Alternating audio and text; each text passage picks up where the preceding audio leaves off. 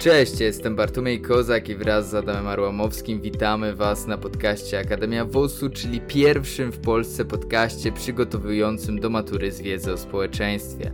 W podcaście wyjaśniamy najważniejsze zagadnienia maturalne, komentujemy wydarzenia polityczne i społeczne oraz przekazujemy Wam wskazówki przed egzaminem. Miłego słuchania.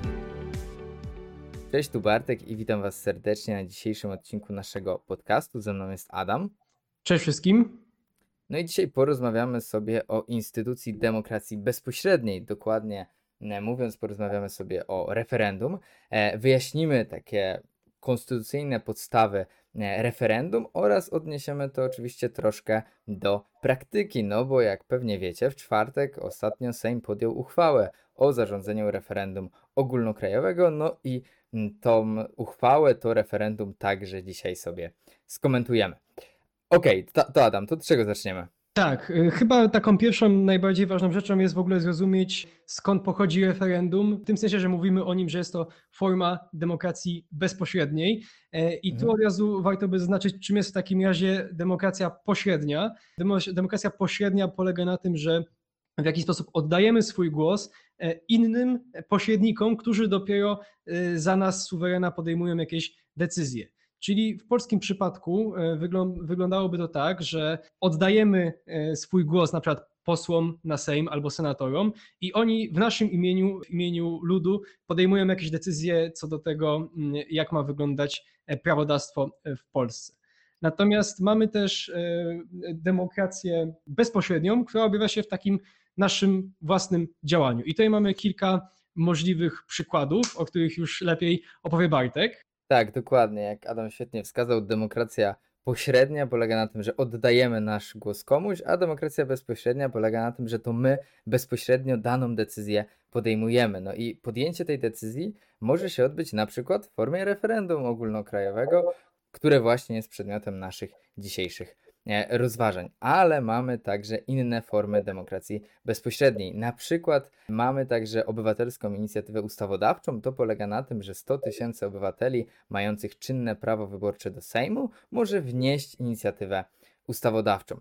Y, jeszcze tak analizując dokładnie ustrój Rzeczpospolitej Polskiej, można by wskazać tak zwane prawo recall, to się nazywa, czyli prawo do odwołania urzędników pochodzących z wyborów lokalnych. To ma miejsce wyłącznie na szczeblu samorządu e, terytorialnego. Jeszcze tak historycznie można by powiedzieć o plebiscycie.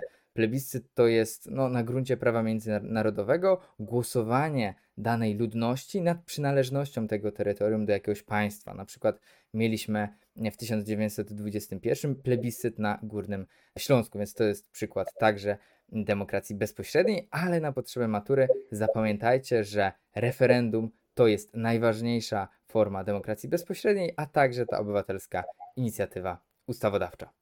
Okej, okay, w takim razie mamy, mamy referendum e, i na czym ono dokładnie polega? No, w przypadku referendum to polega na tym, że władza zadaje jakieś pytanie.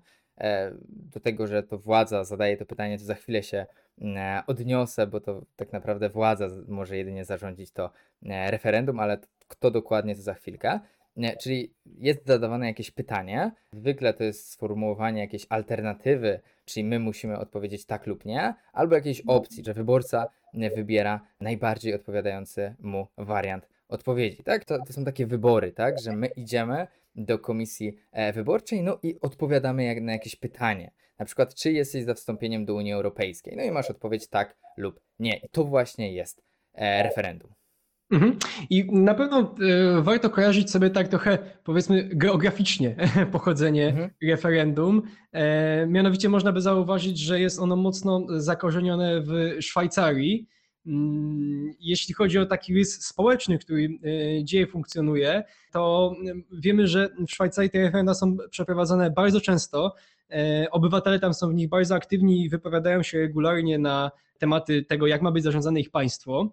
E, do dzisiaj przeprowadzono na terenie Szwajcarii już 208, 208 razy przeprowadzili referendum w różnych sprawach. I tutaj dla takiego zobrazowania, jak bardzo Szwajcarzy partycypują w tych decyzjach swoich władz, a właściwie sami o sobie stanowią, e, wybrałem treść referendum z 2015 roku, e, gdzie zapytano e, obywateli Szwajcarii o, o cztery tematy.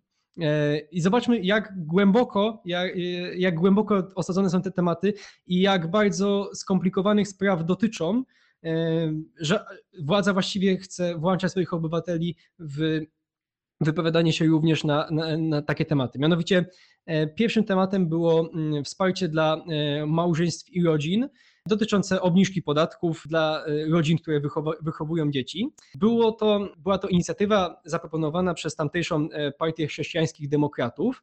Jednak w treści e, tego pomysłu było mm, sformułowanie małżeństwa jako osób różnych płci, to jest kobiety i mężczyzny, co w jawny sposób blokowało możliwość uznania małżeństwa za taki związek, gdzie E, występują dwie osoby tej samej płci, w związku z czym Szwajcarzy w swojej moralności zdecydowali się odrzucić taki pomysł i zagłosowali w bardzo małej przewadze, bo 50,8 do 49,2 za odrzuceniem e, ustawy o dodatkowym wsparciu dla małżeństw definiowanych jako związek kobiety i mężczyzn. Drugim pomysłem e, był pomysł wydalenia ze Szwajcarii cudzoziemców, którzy popełnili jakąkolwiek zbrodnię na terenie Szwajcarii. Oczywiście wiąże to się z specyficzną strukturą narodowościową i e, podejściem do migracji ze strony Szwajcarów, czyli pomysł po prostu natychmiastowej i przymusowej deportacji e, ludzi nieposiadających paszportu szwajcarskiego, jeżeli popełnią jakiekolwiek, jakiekolwiek przestępstwo. E, ten pomysł również został odrzucony przez głosujących w już troszkę więcej, większej przewadze 58,9 do 41,1. Ostatnim e, ciekawym projektem, który jako jedyny e, spośród e, tutaj wymienionych został przyjęty, była rzecz już zupełnie przyziemna, dotycząca remontu tunelu drogowego. Także to ukazuje nam, jak dalece instytucja referendum jest osadzona w tej kulturze szwajcarskiej, że nawet władza jest skłonna pytać swoich obywateli o remont drogi.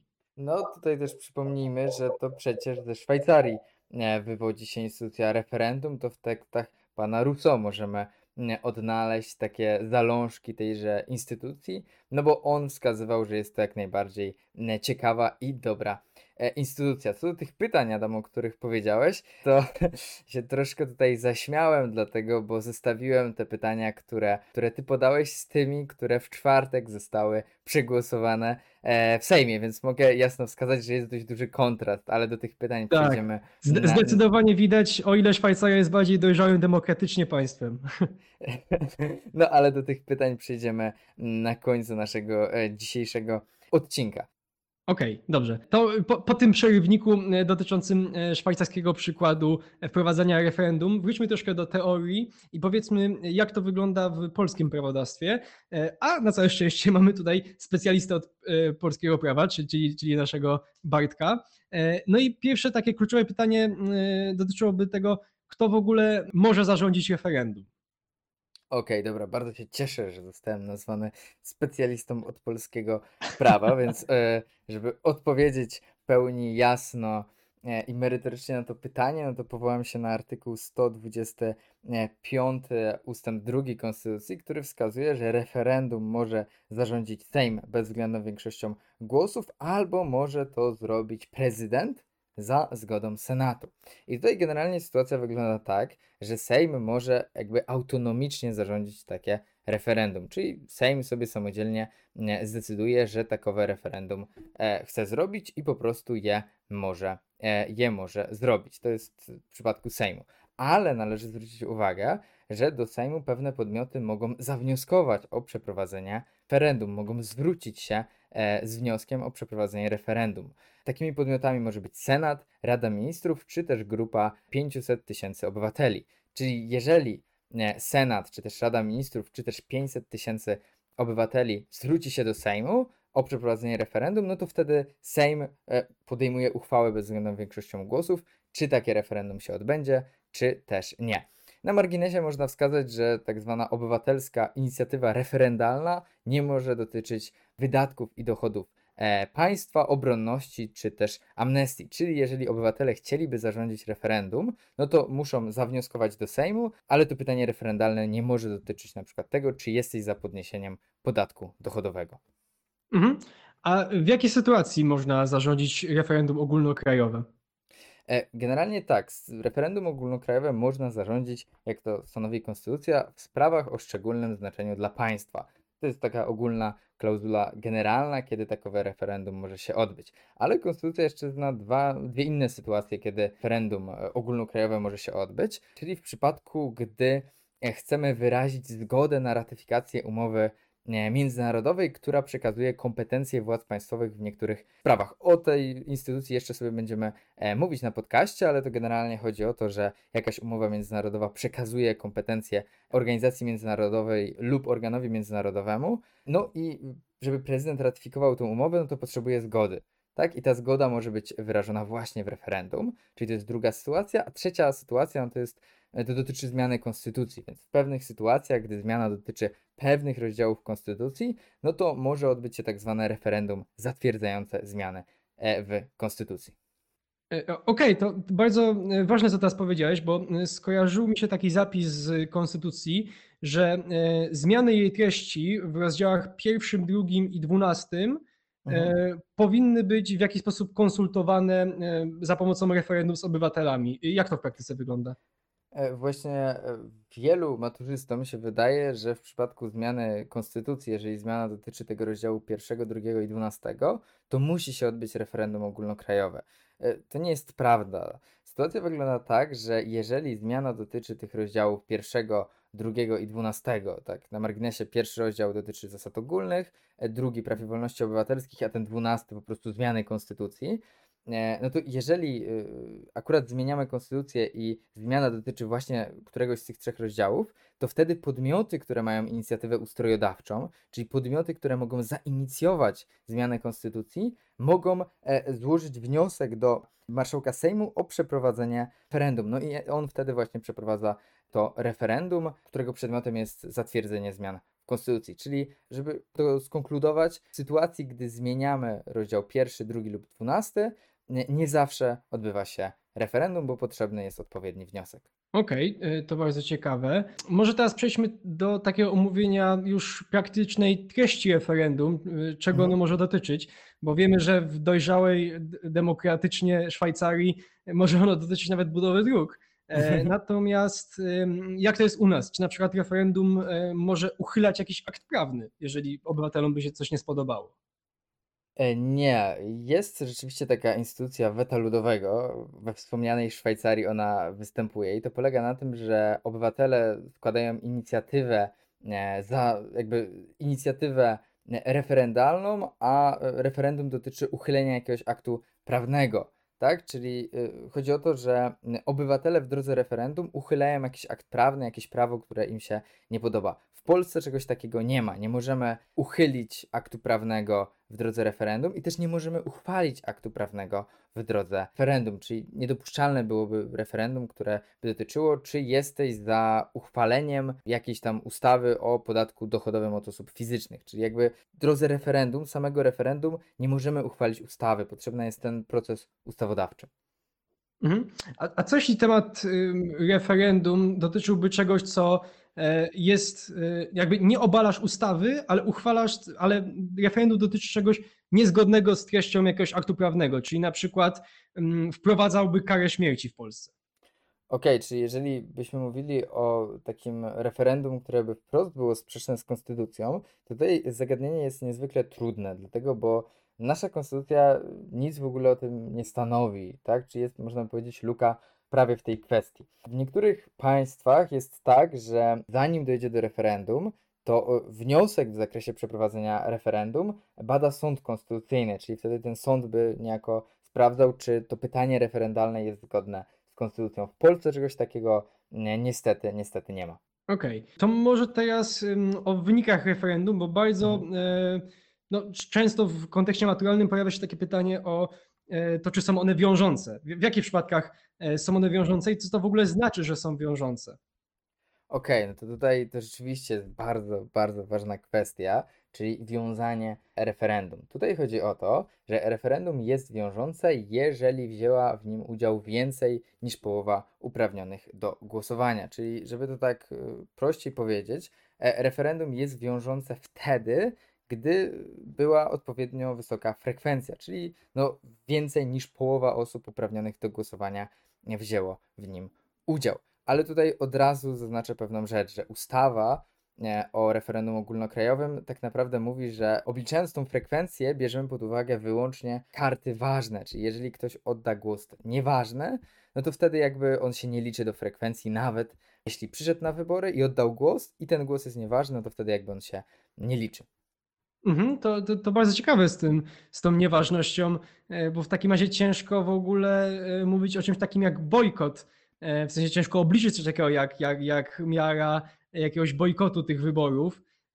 W sensie wyobrażam sobie taki scenariusz, w którym ludzie przychodzą i wrzucają puste karty na znak jakiegoś niezadowolenia z, z tej treści. Na przykład wiem, że tak się robi niekiedy podczas wyborów do, do, do parlamentu, e, kiedy jest przymus pobrania obydwu kart, zarówno e, kandydatów na posłów, jak i na senatorów, e, a na przykład nie wypełnia się jednej z nich ze względu na niezadowalających kandydatów na tej karcie. Pracując w komisji wyborczej właśnie, właśnie z taką sytuacją się mierzyłem. W Polsce ta sytuacja jakby nie jest jeszcze tak duża, ale w niektórych państwach, gdzie jest przymus wyborczy, czyli na przykład są mandaty za to, że nie pójdziesz na wybory, bo są takie państwa, no Mhm. to tam e, wyborcy czasem, żeby mieć święty spokój, żeby mandatu nie zapłacić, po prostu idą na wybory i oddają nieważny głos albo wrzucają pustą kartę. Okej, okej. Z- Zahaczyłem już tutaj mm, trochę o ten e, temat Polski e, Mhm. i zastanawia mnie to, że referendum ma się odbyć 15 października, czyli w tym samym dniu co wybory. Czy to jest w ogóle zgodne z prawem? Tak, tak, to jak najbardziej jest zgodne z prawem. E, stanowi o tym wprost artykuł 90 ustawy o referendum ogólnokrajowym, czyli może się odbyć e, jakby w tym samym dniu referendum i wybory. Powiem nawet więcej. W tym samym dniu mogą się odbyć dwa referenda. To jest jakby bardzo ciekawe.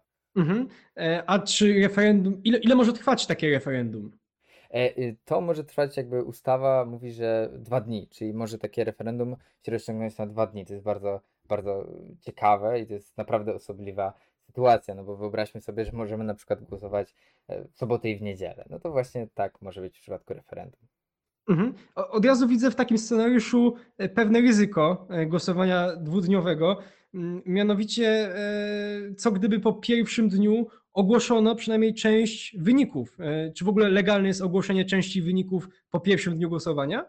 No, zgodnie z prawem nie jest to dopuszczalne. Nie można po pierwszym dniu ogłosić wyników, można jedynie frekwencję ogłosić, jaka ta frekwencja jest. A co do bezpieczeństwa referendum, no to ustawa o referendum stanowi, że urnę wyborczą trzeba zabezpieczyć z jednego na drugi dzień.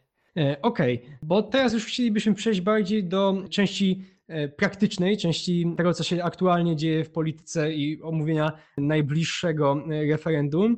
E, Ale jeszcze słowem podsumowania chciałbyś coś, Bartek, dodać w kontekście matury e, i referendum? Okej, to ja chcę tylko powiedzieć tyle, żebyście z perspektywy matury zapamiętali, że czym innym jest ważność referendum od wiązania referendum. Tak? Czyli referendum wiążące jest wtedy, gdy wzięła w nim udział więcej niż połowa uprawnionych. To, żeśmy dzisiaj powiedzieli. Tak? Czyli ta frekwencja musi być odpowiednio duża. Czyli tak naprawdę o tym, że referendum jest wiążące, dowiadujemy się dopiero wtedy, gdy już mamy informację o frekwencji, czyli już po referendum. A referendum ważne jest wtedy, gdy zostało przeprowadzone zgodnie z procedurami wyborczymi. I tutaj jeszcze jedna rzecz mi się przypomniała, czyli w ogóle kwestia, co to znaczy, że referendum jest wiążące. Bo to może być bardzo e, kontrowersyjne. No, co to znaczy, że referendum jest wiążące? No, zgodnie z ustawą o referendum ogólnokrajowym, wiążąca moc referendum polega na tym, że właściwe organy państwowe mają podjąć niezwłocznie czynności w celu realizacji wiążącego wyniku referendum, tak? Czyli to, co zostało przegłosowane, e, przegłosowane w referendum, no to odpowiednie organy władzy państwowej muszą niejako dostosować się do tego wyniku. Od razu wskażę, że słabością tej regulacji jest po części brak sankcji. Ewentualnie można by mówić w przypadku niektórych organów o odpowiedzialności przed Trybunałem Stanu, no ale to też jest zagadnienie wysoce, wysoce kontrowersyjne. Mhm. Dobrze, to teraz możemy przejść do tematów e, dzisiejszego referendum i takiego referendum w powiedzmy polskiej tradycji. I właśnie w tym kontekście, o ile dzisiaj już będziemy wszyscy świadomi tego referendum z 2023, to warto również wiedzieć e, o poprzednim e, referendum, które miało e, miejsce w Polsce. Pamiętasz Bartek, co to było za referendum?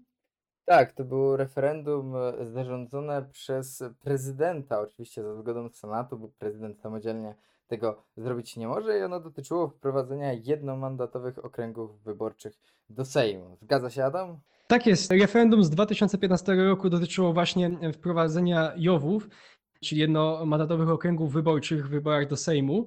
Natomiast warto być świadomym e, jakby kontekstu politycznego, kontekstu społecznego, który doprowadził do zadania e, tego pytania. W 2015 roku e, byliśmy wtedy w trakcie no już wyborów prezydenckich, już po całej kampanii i właśnie po pierwszej turze, w której to no, fenomenalny wynik osiągnął Paweł Kukiz, taki powiedzmy kandydat na prezydenta, który wziął się znikąd, wcześniej nie powiązany z żadną partią ani z polityką.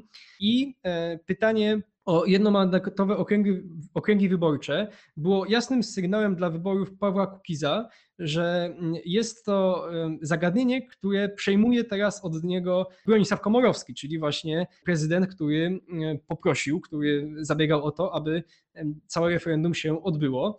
Czyli w pewny sposób widzimy tutaj jasną działalność na tle politycznym, a nie społecznym, nie na tle budowania mm, jakby tej tradycji referendum jako głosu ludu w, sprawach e, państwowych, e, czyli w pewnym sensie pogłębiamy się w naszej e, dziwnej, szkaradnej tradycji demokratycznej, a nie przybliżamy się do ideału Szwajcarii, która daje swoim obywatelom głosować. E, odzwierciedla się to też w frekwencji e, z tych ostatnich wyborów, z, tych, przepraszam, z ostatniego referendum. E, mianowicie wzięło w nim udział jedynie 7,8% uprawnionych do głosowania, co oczywiście jest zupełnie odległe od, od tej wartości 50%, która by w ogóle uprawniała do stawiania jakichkolwiek wniosków na podstawie takich wyników. No tak, tutaj dokładnie rzecz biorąc, żeby mówić o wiążącym charakterze referendum, czyli żeby organy władzy publicznej musiały się dostosować do wyniku tego referendum, no to mm, frekwencja by musiała wynosić powyżej 50%. No, no a tutaj te 7% no to jest e, dużo, dużo za mało. Jeszcze e, jak omawiamy to referendum, no to w tym referendum zostało zadane pytanie, no czy jest pan, pani za wprowadzeniem jednomandatowych okręgów wyborczych w wyborach do Sejmu? No i tutaj tak, jednomandatowe okręgi wyborcze w wyborach do Sejmu są sprzeczne z konstytucją, no bo konstytucja wskazuje, że wybory do Sejmu są proporcjonalne, a jednomandatowe okręgi wyborcze nie, można, nie mogą być w wyborach proporcjonalnych. Więc tutaj e, skomentuję to króciutko. Dopuszczalne jest przeprowadzenie, wprowadzenie pytania referendalnego, które będzie pytało o takie planowane zmiany w konstytucji. Czyli jakby ta treść tego pytania była w pełni dopuszczalna, bo można pytać e, społeczeństwo o to, jakby się zapatrywało na jakieś zmiany, zmiany w konstytucji. Kontrowersyjna jest natomiast kwestia, to co żeśmy wcześniej mówili, czy na przykład e, dopuszczalne byłoby przeprowadzenie właśnie takiego e, referendum, które wprost jest sprzeczne z konstytucją, w tym sensie, że jest takimi idea, ideami państwa demokratycznego. Czyli na przykład kwestia tego, czy właśnie jesteś za wprowadzeniem tortur. No to byłoby raczej, takie referendum raczej byłoby niedopuszczalne. Mhm. E, dzisiaj w 2023 e, roku nasze referendum dotyczy już raczej spraw zupełnie niezwiązanych z e, konstytucją. Są to raczej rzeczy dotyczące polityki państwa, ale będę bronił tezy, że celem tego referendum również nie jest faktyczne poznanie opinii społecznej, opinii publicznej na temat poruszonych tam tematów, ponieważ y, forma przedstawiania tych pytań jest w pełni stronnicza. E, I zacznijmy może od pierwszego pytania, które brzmi: czy popierasz wyprzedaż majątku e, państwowego podmiotom zagranicznym? I właściwie, gdyby to miało być poprawne pytanie, e, to w tym momencie powinno się zakończyć. Jednak po przecinku mamy kontynuację prowadzącą do utraty kontroli Polek i Polaków nad strategicznymi sektorami gospodarki. E, w jawny sposób e, to pytanie e, przedstawia nam jakby następstwo tego, co będzie, jeżeli odpowiemy niezgodnie z intencją władz. Mianowicie mówiąc, że wspieramy wyprzedaż majątku państwowego, automatyczny sposób prowadzimy do utraty kontroli Polek i Polaków nad strategicznymi sektorami gospodarki. Jedyny sens takiego pytania, mm, jaki można e, wyznaczyć, to sens polityczny, nabijania sobie w jakiś sposób poparcia i czerpania korzyści z e, prowadzenia kampanii referendalnej, która tak naprawdę nie będzie spełniała funkcji referendalnej, a politycznej, promującej hasła PiSu, które e, mają im zapewnić jak najwięcej miejsc w parlamencie. Tak, jakby w pełni zgadzam się, Adam, z tym, co powiedziałeś. Na pewno tutaj na pierwszy rzut oka widać tą tendencyjność tych nie, pytań. Dodatkowo z perspektywy konstytucyjnej chcę zwrócić uwagę na to, że jest dość duża wątpliwość, czy to pytanie e, w ogóle jest e, konstytucyjnie dopuszczalne, no bo konstytucja dozwala przeprowadzenie referendum w sprawach o szczególnym znaczeniu dla państwa. No i tutaj trzeba sobie zadać pytanie, czy rzeczywiście jakby to jest jakiś problem państwowy. Czy w Polsce prowadzona jest jakaś dyskusja na temat tego, czy sprzedajemy mienie państwowe, czy go nie sprzedajemy. Wydaje się, że raczej takiej dyskusji nie ma i raczej wszyscy mają jednoznaczne stanowisko w tej kwestii.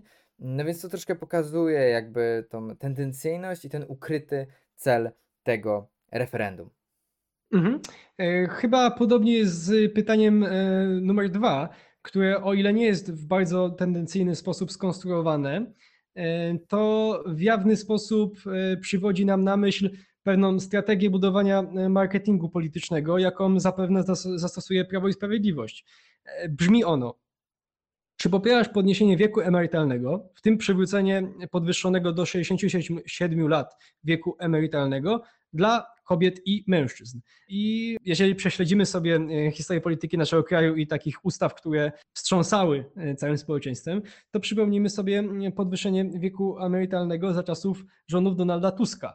E, a pytanie drugie, w mojej opinii, pełni rolę takiego psztyczka w nosek właśnie Donaldowi i jest niczym innym jak znowuż budowaniem dobrego podłoża pod prowadzenie kampanii parlamentarnej. No tak, to pytanie jakby jednoznacznie nawiązuje do e, historii, do czasów rządów PO i PSL. Tutaj też jakby ja bym wskazał, że obecnie nie ma partii, która by postulowała wprowadzenie wieku emerytalnego, podwyższenie wieku emerytalnego do 67 lat. Jakby tam nie biorąc pod uwagę tych liberalnych poglądów Konfederacji, ale jakby PO, PSL Polska 2050, no to one nie postulują podwyższenia tego wieku emerytalnego i Platforma niejako jasno wskazała, że to był błąd. No ale nie, PiS od y, paru lat już tą kampanię w oparciu o te pewne sytuacje, o te pewne błędy poprzedników nie, prowadzi. Jakie tam było kolejne to pytanie, mhm. Adam? W trzecim pytaniu znowuż mamy e, walkę z wiatrakami, e, bo brzmi ono. Czy popierasz likwidację bariery na granicy mm, Rzeczypospolitej Polskiej z Republiką Białorusi? E, zadanie takiego pytania sugerowałoby istnienie jakiejkolwiek debaty na ten temat, podczas kiedy mm, przynajmniej w ostatnich miesiącach e, nie kojarzę wypowiedzi e, żadnego polityka, nawet z mm, najbardziej lewicowych ugrupowań, które, dążyły, które dążyłyby do upadku tego muru na granicy polsko-białoruskiej. No właśnie jakby moim zdaniem to też nie jest jakoś realnie istniejący problem. Nie jest to problem o szczególnym znaczeniu dla państwa, że trzeba byłoby na ten temat przeprowadzać referendum. Z tego co czytałem opinię obywateli, no to jakby obywatele wskazują, że obecnie mamy znacznie inne problemy, e, o które by można było spytać Polaków, a nie o ten mur e, na granicy z Białorusią. Mhm. Być może troszkę bardziej realny problem poruszony jest w pytaniu numer 4, e, ale znowuż jest ono przedstawione w sposób niesłychanie tendencyjny. E, brzmi ono. Czy popierasz przyjęcie tysięcy nielegalnych imigrantów z Bliskiego Wschodu i Afryki? I tu już mamy pierwsze takie mocne stwierdzenie nielegalnych imigrantów z Bliskiego Wschodu i Afryki. Podczas kiedy Prawo i Sprawiedliwość w swojej polityce raczej nie rozróżnia pojęcia nielegalny imigrant, e, a uchodźca a w kontekście maturalnym e, powinniśmy być e, świadomi różnicy między tymi dwoma, ponieważ uchodźca jest kimś, kto ucieka z kraju objętego wojną albo jakąś tragedią i wspólnota międzynarodowa w jakiś sposób zobowiązuje się stosować wobec niego inne kategorie traktowania go w swoim państwie niż nielegalnego imigranta, który na przykład z powodów zarobkowych przemieszczałby się między krajami. A więc tu mamy takie trochę nieprecyzyjność, jak się wydaje w, w stosowanym języku, ale jest ona stosowana w jasnym celu budowania strategii politycznej. E, natomiast dalsza część pytania jest jeszcze e, lepsza. Cytuję. zgodnie z przymusowym mechanizmem relokacji narzucanym przez biurokrację europejską. Doszło do tego, że Unia Europejska już nie jest nazywana organizacją międzynarodową, tak jak, tak jak powinna być nazywana, e, ale jako biurokracja. Coś, co w takim społecznym pojęciu z góry jest uznawane za e, formację patologiczną, nieczułą, niezorientowaną na, na jakby wolę społeczeństwa, e, tylko prowadzącą zimne kalkulacje i narzucającą w sposób autorytarny swoją wolę innym krajom. Czy też to tak odbierasz, Bartek? Znaczy tutaj jak usłyszałem pierwszy raz o tej e, europejskiej biurokracji, to mi się przypomniało, że jeszcze w 2003 roku odbyło się przecież referendum dotyczące wstąpienia e, Polski do Unii. Ono brzmiało, czy wyraża pani pan zgodę na przystąpienie Rzeczpospolitej Polskiej do Unii Europejskiej. No i zwróćmy uwagę, że po 20 latach e, zamiast właśnie napisać w referendum, czy jesteś za tą przymusową relokacją, którą tam powiedzmy narzuca, chociaż to, to słowo też chyba nie jest najlepsze, Unia Europejska, no to my piszemy, czy jesteś za tą przymusową relokacją tworzoną przez europejską biurokrację. Jakby e, zupełnie inaczej zaczynamy nazywać Unię Europejską, więc tutaj też widać strasznie tą tendencyjność tych pytań. Zresztą już w doktrynie prawa konstytucyjnego od lat wskazywano, że minusem instytucji referendum jest to, że dość łatwo zmanipulować wyborców. Między innymi przez to, że można e, w łatwy, w łatwy sposób e, ułożyć tak pytanie, żeby wyborcy odpowiedzieli tak, jak chce władza, i też y, zwróćmy uwagę, że jakby możliwości wyborców są ograniczone, no bo oni mogą wybrać e, spośród danych wariantów, nie mogą e, udzielić odpowiedzi otwartej. Mhm. To zakończmy może właśnie taką e, otwartą puentą dotyczącą różnorodności tego, jak mogą wyglądać referenda. Z jednej strony mamy przykład e, referendum 2023, e, jawiącego się jako zupełnie śmieszne e, narzędzie prowadzenia polityki.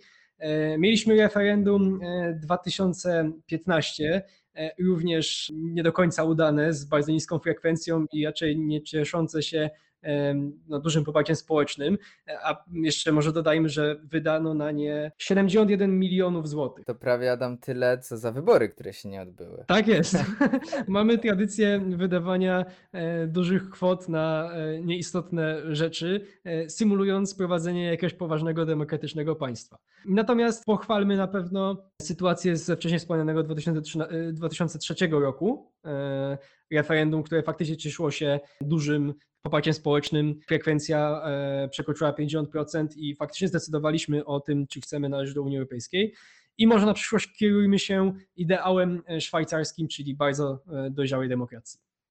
No tutaj y, tacy prawdziwi demokraci by powiedzieli, że to 50, troszkę ponad 50%, co było w 2003 roku, to i tak jest dużo, dużo za mało. Tutaj opinie są różne na ten temat, ale już tak kończąc, chcę podsumować, że pamiętajcie, że mamy referendum ogólnokrajowe i my dzisiaj skupialiśmy się właśnie na referendum ogólnokrajowym, ale też mamy przecież referenda lokalne, które mogą się na przykład odbyć w jakimś mieście. No i tytułem przykładu, u nas w naszym rodzinnym Krakowie było kiedyś w 2014 takie referendum, które na przykład e, dotyczyło takich kwestii jak czy jest pan za budową metra w Krakowie, czy pana zdaniem w Krakowie powinno budować się więcej ścieżek rowerowych, e, czy też pana zdaniem powinniśmy przeprowadzić e, igrzyska olimpijskie w 2022 roku. Więc pamiętajcie, że jakby referendum może dotyczyć jakby całego państwa, jak i do, może dotyczyć pewnej jakiejś wspólnoty wspólnoty lokalnej. E, mam nadzieję, że wszystko to, co powiedzieliśmy w dzisiejszym odcinku jest dla Was w pełni zrozumiałe. Zachęcam Was, abyście sprawdzili nas na naszym TikToku, e, Instagramie oraz na YouTubie i do usłyszenia w kolejnym odcinku naszych podcastów. Dzięki i do usłyszenia.